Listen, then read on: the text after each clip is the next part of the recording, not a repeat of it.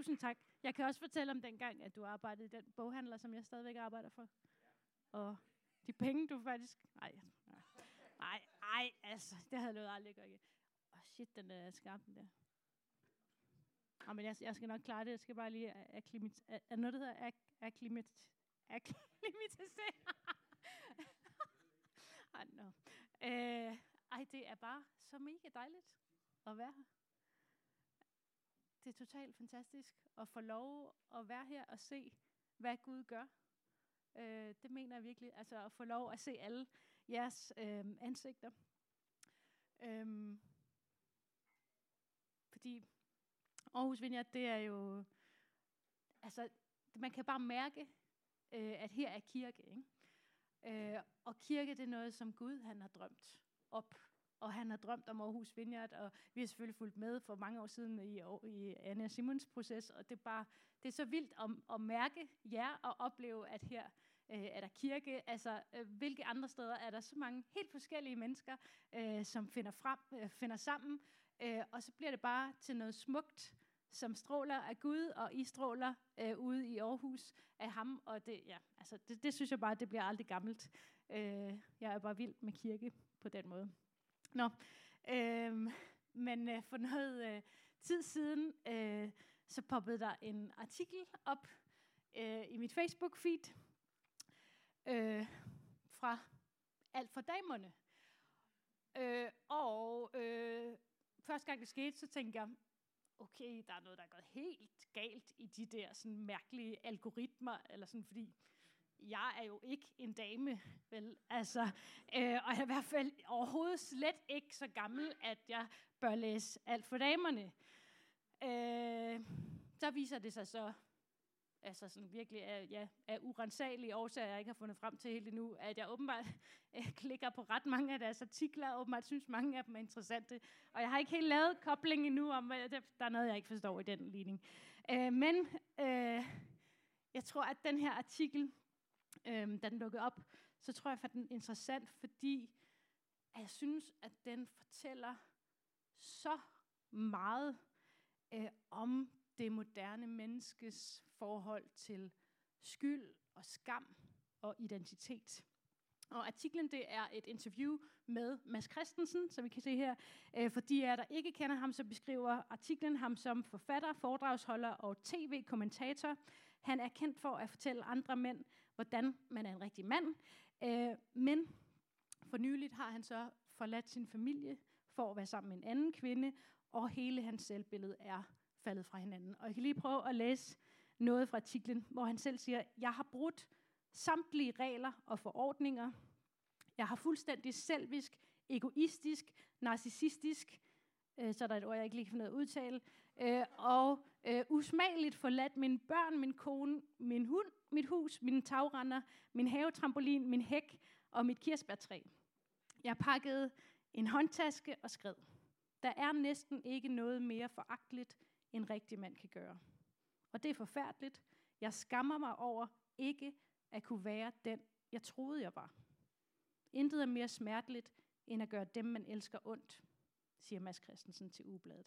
Selv har han i løbet af sin karriere, og som en fast del af, af panelet i radioprogrammet Masse Monopolet, profileret sig selv som en med et sundt og retvisende moralsk kompas, fortæller han. Men utroskab og løgne stemmer ikke overens med det selvbillede, han havde skabt, siger han, men den erkendelse tog tid at komme til. Jeg har hele tiden haft en klar definition af, at jeg var en rigtig mand. Jeg var den perfekte mand. Jeg var en ordentlig mand. Jeg var lameliggørelsen af en anstændig mand. Jeg var den perfekte far og drømmen af en ægte mand. Svigermors drøm. Det var i hvert fald mit selvgjorte selvportræt. Stille og roligt hen over 20 år havde jeg positioneret mig selv som værende lige netop det, siger han. Så Mads han har haft et øh, billede af sig selv som en rigtig mand med det moralske kompas i orden. Øh, han har været stolt af den, som han var. Og så lige pludselig går det op for ham, at det her selvbillede, det er falskt. At han ikke er den, han troede, han var. At han ikke er så god, som han troede, han var. og han, hele hans selvbillede, det krakelerer. Ikke? Øh, og hvad må man så gøre? Øh, så må han forme et nyt selvbillede, og det, altså det han i tale sætter her. Ikke? Øh, nu er han med sine egne ord øh, lidt senere i artiklen en foragtelig mand og en egoistisk løgner. Og da jeg bare læste den her artikel for noget tid siden, så tænker jeg, jamen altså, det her, det er jo vores allesammens historie i nødskal. Ikke? Jeg ved ikke, om I kan genkende det her med, at de fleste af os, vi starter ud med at tænke, at at have sådan et, et godt billede af os selv, at vi er da et godt menneske med fine idealer og forestillinger om, hvor gode vi er. Og så sker der et eller andet. Ikke? Det kan være, at man ikke lige får øh, læst nok op til eksamen og dumper. Øh, det kan være, at man ikke formår at være så nærværende over for sine børn, som man havde håbet. Det kan være, at man får såret en ven, øh, uden at ville det, og pludselig har man den her oplevelse af, at man ikke længere er den, man troede, man var. En øh, smertefuld erkendelse, tror jeg, som vi jo oplever igen og igen i hele vores liv. Ikke? Og så opererer vi jo ligesom med sådan forskellige løsninger på den her erkendelse. Ikke? Øh, jeg kan enten ligesom forsøge at ignorere den følelse af ikke at være så sej, som jeg troede, jeg var. Øh, så arbejder jeg måske sådan ekstra hårdt på at øh, bevise over for mig selv, at jeg faktisk er sej. Øh, og så håber jeg måske, at den her skjulte følelse af at være en svindler, den øh, forsvinder. Ikke? Eller den anden løsning kan være, øh, som jeg ofte er landet i, øh, så kan man konkludere ligesom Mads, øh, at jeg er en fiasko. Øh, og så kan jeg gøre det til mit selvbillede. Fordi det, der er interessant, det er, at Mads Christensen, han taler ikke bare om, at sådan, ah, så fik han lavet nogle fejl, og så op på hesten igen. Ikke? Øh, han taler om et fuldstændigt skifte i identitet. Et dramatisk skifte i måden, han ser sig selv på. Et skifte fra sådan et falskt oppustet selvbillede til et meget unådigt billede af sig selv. Ikke? En menneskelig dynamik, som jeg synes illustrerer så tydeligt, at uden evangeliet om Jesus, om at han døde for vores synder, så er vi simpelthen fanget i et ubarmhjertigt billede af os selv. Og før jeg forklarer nærmere, hvad jeg mener, øh, så tænker jeg, at vi skulle læse nogle vers fra Romerbrevet kapitel 6. Og Romerbrevet bliver øh, af mange beskrevet som øh, det første og største teologiske værk, vi har. Her maler Paulus op, øh, hvad troen på Jesus vil sige. Øh, især kapitel 5 til 8 øh, svarer virkelig på nogle af de dybeste spørgsmål, vi kan have som mennesker om, er vi gode nok? Hvordan bliver vi gode nok? Øh, hvorfor er vi gode nok? Og så videre. Hvem er vi? Øh, og jeg, vil, jeg vil virkelig, virkelig anbefale alle at læse de øh, kapitler og læse dem langsomt igen og igen. Der er så meget øh, føde for vores sjæl i de kapitler. Men øh, vi tager bare otte vers fra kapitel 6 i dag. Vi ved, at vort gamle menneske er blevet korsfæstet sammen med ham, for at det læme, som ligger under for synden, skulle til intet gøres, så vi ikke mere er tralle for synden. Den, der er død, er jo frigjort fra synden. Men er vi døde med Kristus, tror vi, at vi også skal leve med ham. Og vi ved, at Kristus er opstået fra de døde og ikke mere dør. Døden er ikke herre over ham mere. For den død, han døde, døde han fra synden en gang for alle. Det liv, han lever, lever han for Gud. Sådan skal også I se på jer selv. I er døde for synden, men levende for Gud i Kristus Jesus. Lad derfor ikke synden herske i jeres dødelige læme, så I adlyder dets lyster. Stil heller ikke jeres lemmer til rådighed for synden som redskaber for uretfærdighed, men stil jer selv til rådighed for Gud som levende, der før var døde, så I bruger jeres lemmer for Gud som redskaber for retfærdighed. Synden skal ikke være herre over jer, for I er ikke under loven, men under nåden. Og hvis vi ser på Mads Christensens selvbillede i den her artikel, øh, så kunne man jo med øh, en bibelsk terminologi sige, at han er gået fra et selvbillede af øh, ikke at være en synder. Øh, han var svigermors drøm, han var den perfekte mand, og så er han gået over til en opfattelse af sig selv som en synder. Og selvfølgelig ville han og de fleste moderne mennesker ikke bruge det ord, øh, men han er jo med egne ord ramt ind i, at han har overtrådt sine egne idealer, sin egen lov, og må ligesom nu erkende, at han er en lovovertræder. Og det gode ved det er jo, at der sker en eller anden form for erkendelse, selverkendelse, som er sand. Han slipper ligesom for at lyve for sig selv og prøve at leve op til noget, som han dybest set ikke er i stand til. Øh, han troede, han var i stand til det, men han har opdaget, at det er han faktisk ikke. Han er faktisk fejlbarlig. Og det er så hans nye billede af sig selv. Ikke, ikke den, han troede, han var. En fiasko i forhold til hans egne værdier. Et meget, meget unådigt billede. Ikke? Men som sådan et sandt billede uden Jesus. For som Paulus han forklarer os her i Romerbrevet, så betyder Jesu død for os, at synden ikke længere skal holde os fanget. At vores overtrædelse af idealer ikke længere definerer os. Fordi Jesus han har betalt straffen for vores overtrædelser med sit liv. Og vi kan vælge at tage imod den betaling som en gave og leve i kraft af ham i stedet. Øh, og jeg har tænkt på, at man kan sætte det op, øh, sådan at der ligesom på en måde er tre steder, vi har det med at lande øh, i vores billede af os selv. Og som jeg sagde i formiddag, så uh, vil I ikke vide, hvor lang tid det tog mig at finde ud af at, at lave tre kasser. Men de er flotte, ikke? Selvom de overhovedet ikke er samme størrelse heller. Men ja, de er der. men øh, vi kan ligesom lande i det her billede af os selv, øh, uden syndserkendelse. Det her, hvor vi ligesom vi hele tiden skal vise os selv på de sociale medier, eller i X-Factor, eller hvad det er, og vise, vi er seje i egen kraft. Vi har noget øh, at komme med. Det er i vores egen kraft, at vi bare er mega seje. Og ligesom så skal vi holde det billede op. Ikke? Jeg kan det hele. Eller også så kan vi lande ned øh, i det her, hvor at vi har en syndserkendelse. Det er mange, mange øh, kristne ord, ikke? Jeg håber, I klarer det. Eller, ja, der burde være en rød lampe eller noget. Øh, hvor er vi ligesom øh, lander den der med, åh, jeg er helt forkert.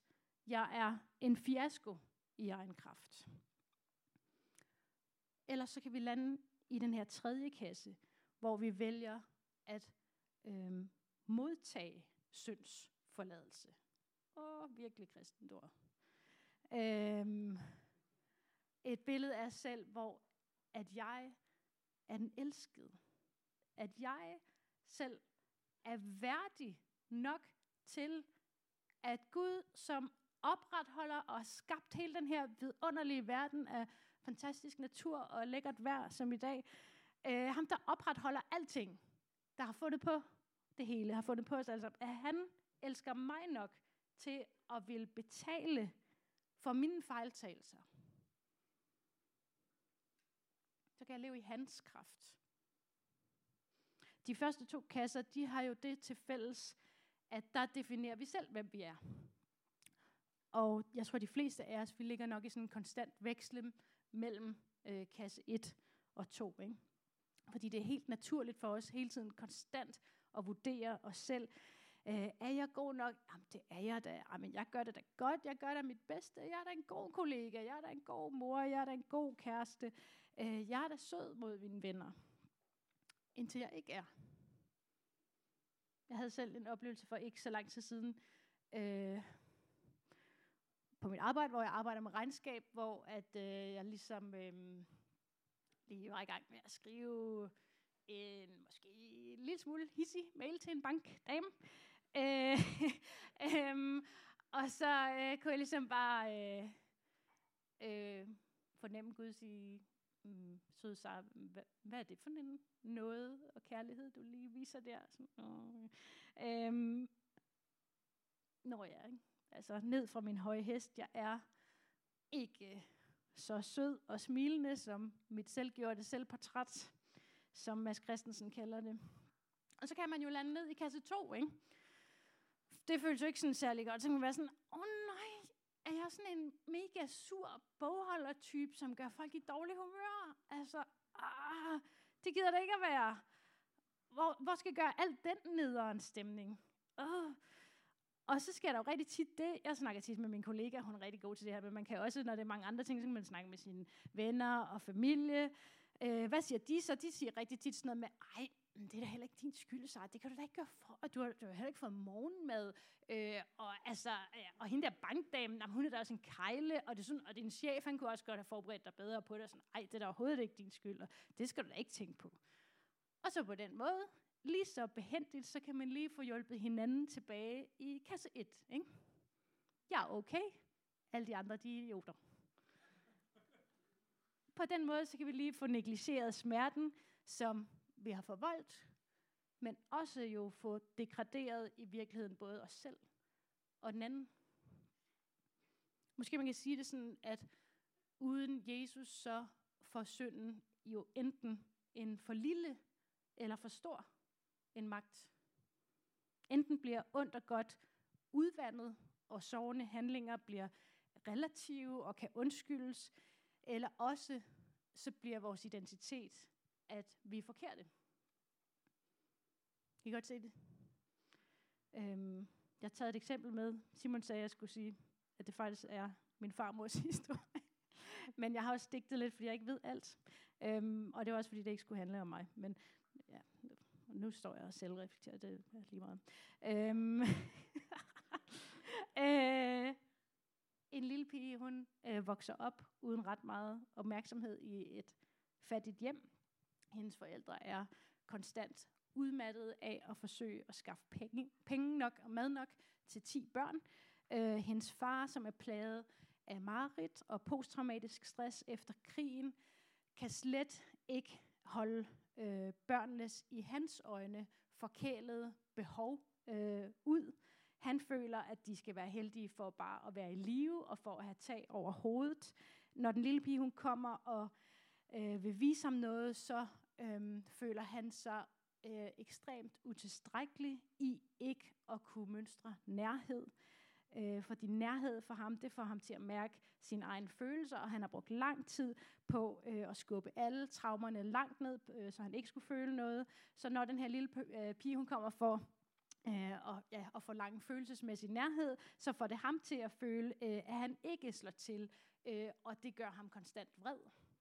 Den her lille pige, hun vokser op, og så flytter hun til storbyen øh, med et stort hul i sit hjerte, ikke? efter at blive set.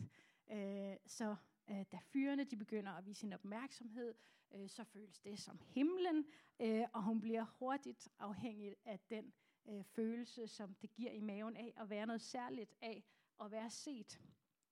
Men ikke alle fyrene er lige søde, øh, og flere gange oplever hun at blive misbrugt, men hun slår det hen, fordi det er åbenbart det, prisen er for at modtage den opmærksomhed, som hun ønsker sig mere end noget andet. En dag bliver hun gravid, og da abort ikke er en mulighed i den tid, som hun lever i, så må hun få barnet, og der er også en sød fyr, som tilbyder, at de øh, kan flytte ind hos ham, og de kan blive en familie, men barnet kræver meget, øh, og der er jo ikke længere plads til hendes behov øh, for opmærksomhed. Øh, så efterhånden så bliver hun bare mere og mere bitter på barnet over alt det, øh, som der er stjålet fra hende, og skiftevis er hun kærlig over for barnet, og skiftevis er hun direkte fjendtlig, øh, afhængig af, hvor meget overskud hun har. Det barn vokser op og føler, øh, at han aldrig er god nok til at få kærlighed. Øh, selv når folk øh, viser ham kærlighed, så er han bange for at stole på den, og har det med øh, at tolke de mindste handlinger som afvisninger. Så da han selv får børn, så kommer de børn til at føle, at der ikke er plads til deres følelser, og at det ligesom bliver deres øh, job at konstant sørge for, øh, at faderen han ikke føler sig afvist. Øh, den utryghed, øh, den tager de med ind i deres relationer osv. Og hvorfor fortæller jeg den her historie? Det gør jeg, fordi at det er menneskehedens historie. Ikke? At det er historien om synd.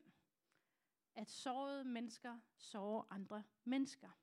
Synd er den smerte, vi forårsager hinanden. Fordi fælles for alle de her personer er, at de alle sammen har gjort deres bedste. Alle sammen har de haft årsager til at handle, som de gjorde, eller ikke formåede at handle, som de ikke gjorde. Hver især er de ofre for andres synd, og hver især påfører de andre synden. Og smertebolden ruller bare videre og videre. Ikke? Så hvor stopper bolden? Hvornår stopper bolden?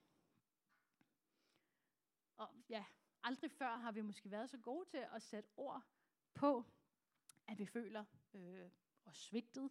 Øh, der, er, der er virkelig, virkelig mange fine ting ved øh, den her cancel culture af ting, som, som kommer frem i lyset. Ikke? Men den løser jo bare ikke rigtig noget i sig selv. Hvis vi ligesom bare placerer alt og alle i kasse 2, oh, det viser sig, at mennesket er fejlbarligt. Surprise! Øh, altså, hvor fører den tilgang hen? Ikke? Øh, den pil peger vel kun tilbage på os selv, og så kan vi ligesom alle sammen leve med det her evige impostersyndrom og den her angst og stress for, hvornår at der er nogen, der oplever, at det er os, som har svigtet. Det med at forstå årsagen til synden, det bringer ikke noget håb i sig selv.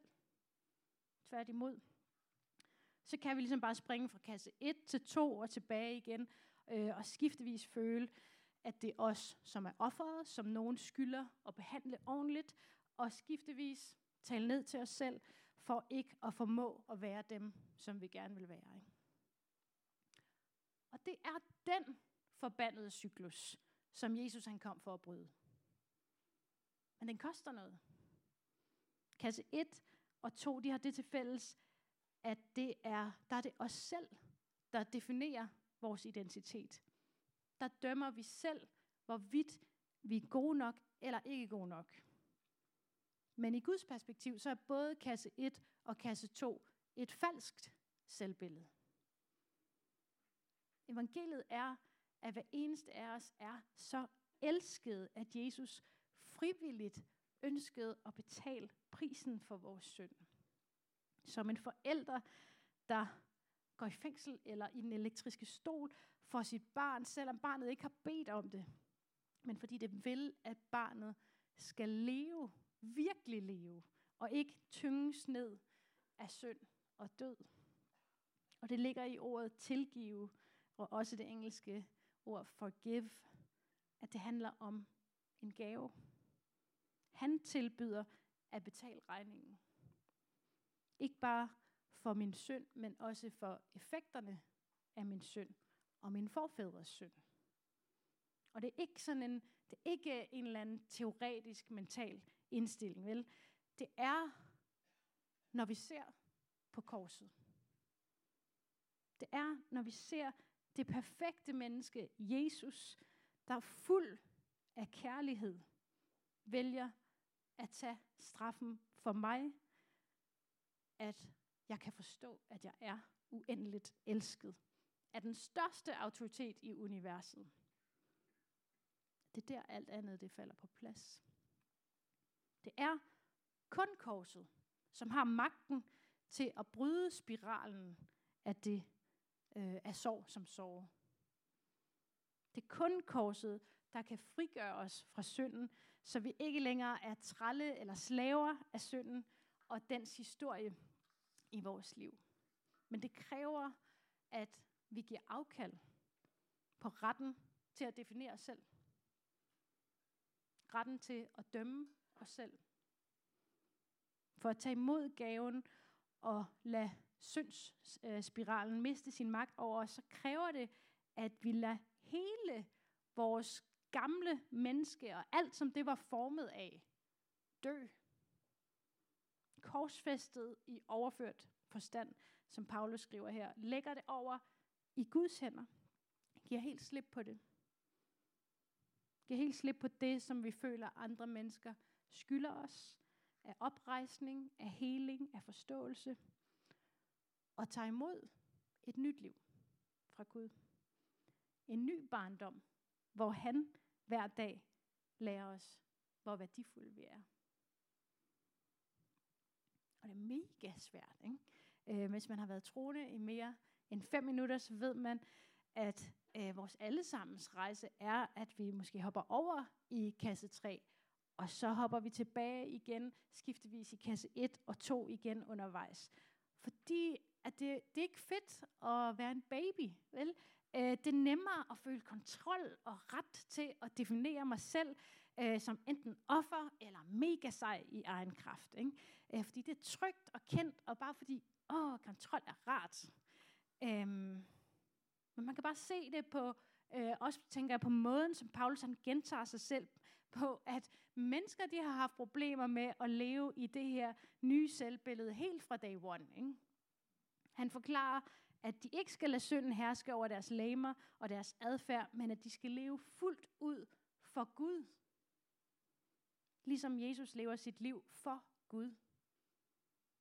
Og hvordan er det at leve for Gud? Det er et liv under nåden. Nåden er en gave, og vi kan ikke fortjene den. Vi får den tilbudt, fordi Gud han elsker os. Fordi han vil vores frihed mere end noget andet. Og Jesus viser os, hvordan det ser ud som menneske at leve det her liv, hvor at vi ved, ved, ved, at vi er Guds elskede. At vi er udvalgt af ham til at være skabt netop nu og her med lige de fantastiske features, hver af os har. Det er ikke nødvendigvis et lettere liv, men det er øh, et liv fyldt af en fred og en glæde og en retfærdighed.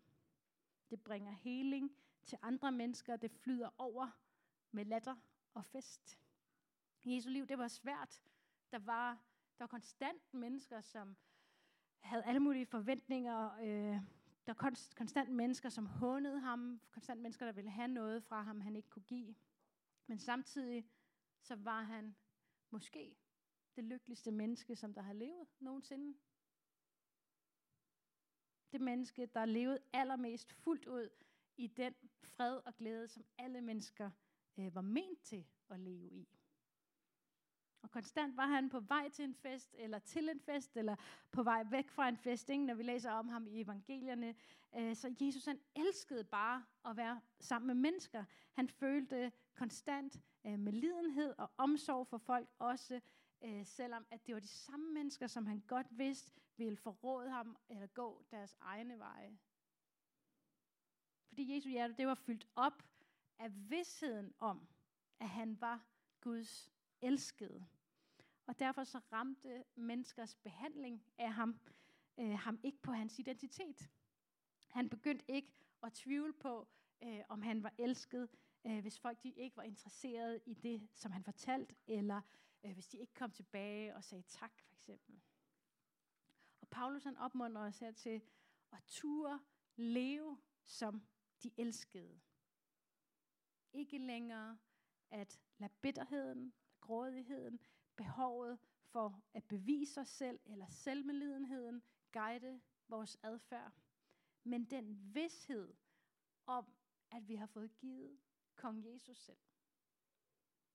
Vi er blevet et med ham. Ved at tage imod hans død for os. Vi er elskede og retfærdiggjorte i ham. Vi er ikke, hvordan andre mennesker behandler os, eller har behandlet os. Vi er nye skabninger, defineret af hans nåde. Så hvilken kasse vælger du? Hvilken skal definere, hvem du er? Er du måske for tiden stoppet op halvvejs, ligesom Mads Christensen, og roder rundt i et selvbillede af, at du ikke slår til, at du ikke er den, du troede, du var. Måske også skuffet over, at andre mennesker heller ikke er dem, som du håbede, de var. Det kan nogle gange være lige så smertefuldt en erkendelse. Og noget, der virkelig også kan holde os fra at leve i kasse 3, hvor vi tager imod Guds tilgivelse som en gave og giver afkald på rettigheden som dommer, både over os selv og andre. Og i stedet for stoler på, at hans offer er større, end vi kan fatte, og at hans retfærdighed vil sejre i sidste ende. Det er ikke let, men vi har et valg, øh, og det hjælper at være bevidst om det. Øh, og jeg kan bare se mit eget liv, for hver gang, øh, og for mig mange, mange gange om dagen, for hver gang jeg ligesom tager imod Guds nåde øh, på nye områder øh, af mit billede af mig selv, øh, så lærer jeg lige så stille at leve lidt mere som den elskede. Og så øh, stopper smertebolden øh, lidt mere, ikke? mere fra at rulle videre. Og det er det, som er Guds fantastiske, vidunderlige plan. Ikke? Og hvordan ville det se ud, hvis nu alle os, der var her, vi stoppede med at dømme os selv eller nogen andre, øh, og bare var i Aarhus som nogen, der virkelig så hinanden, som slet ikke dømte os selv. Hvordan ville det være? Amen. Skal vi rejse os og bede?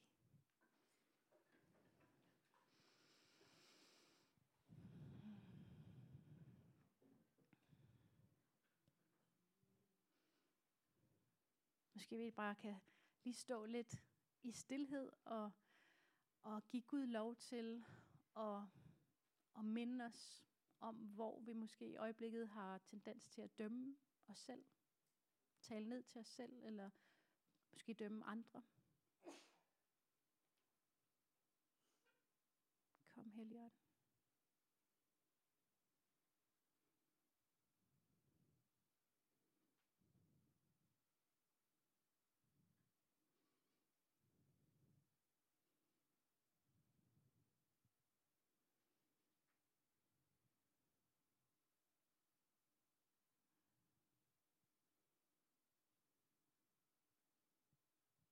Tak, Jesus, at du er helt, helt nær ved hver eneste af os.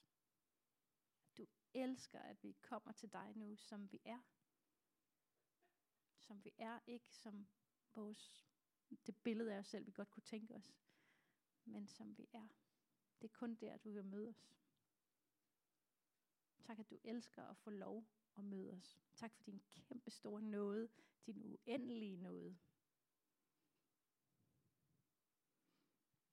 Jesus, vi ønsker at give øh, afkald øh, på retten til at definere os selv. Retten til at dømme os selv. Her om du må tilgive os for øh, at gøre dit offer mindre. Vi tager imod dig nu, Jesus.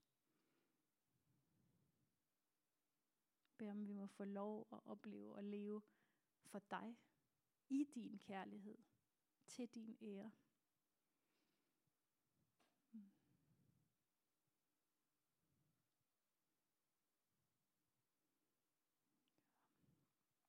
Skal fejre nadver sammen, så I kan bare blive stående. Øhm, og ja, dem der skal dele ud, må gerne komme op. Øhm,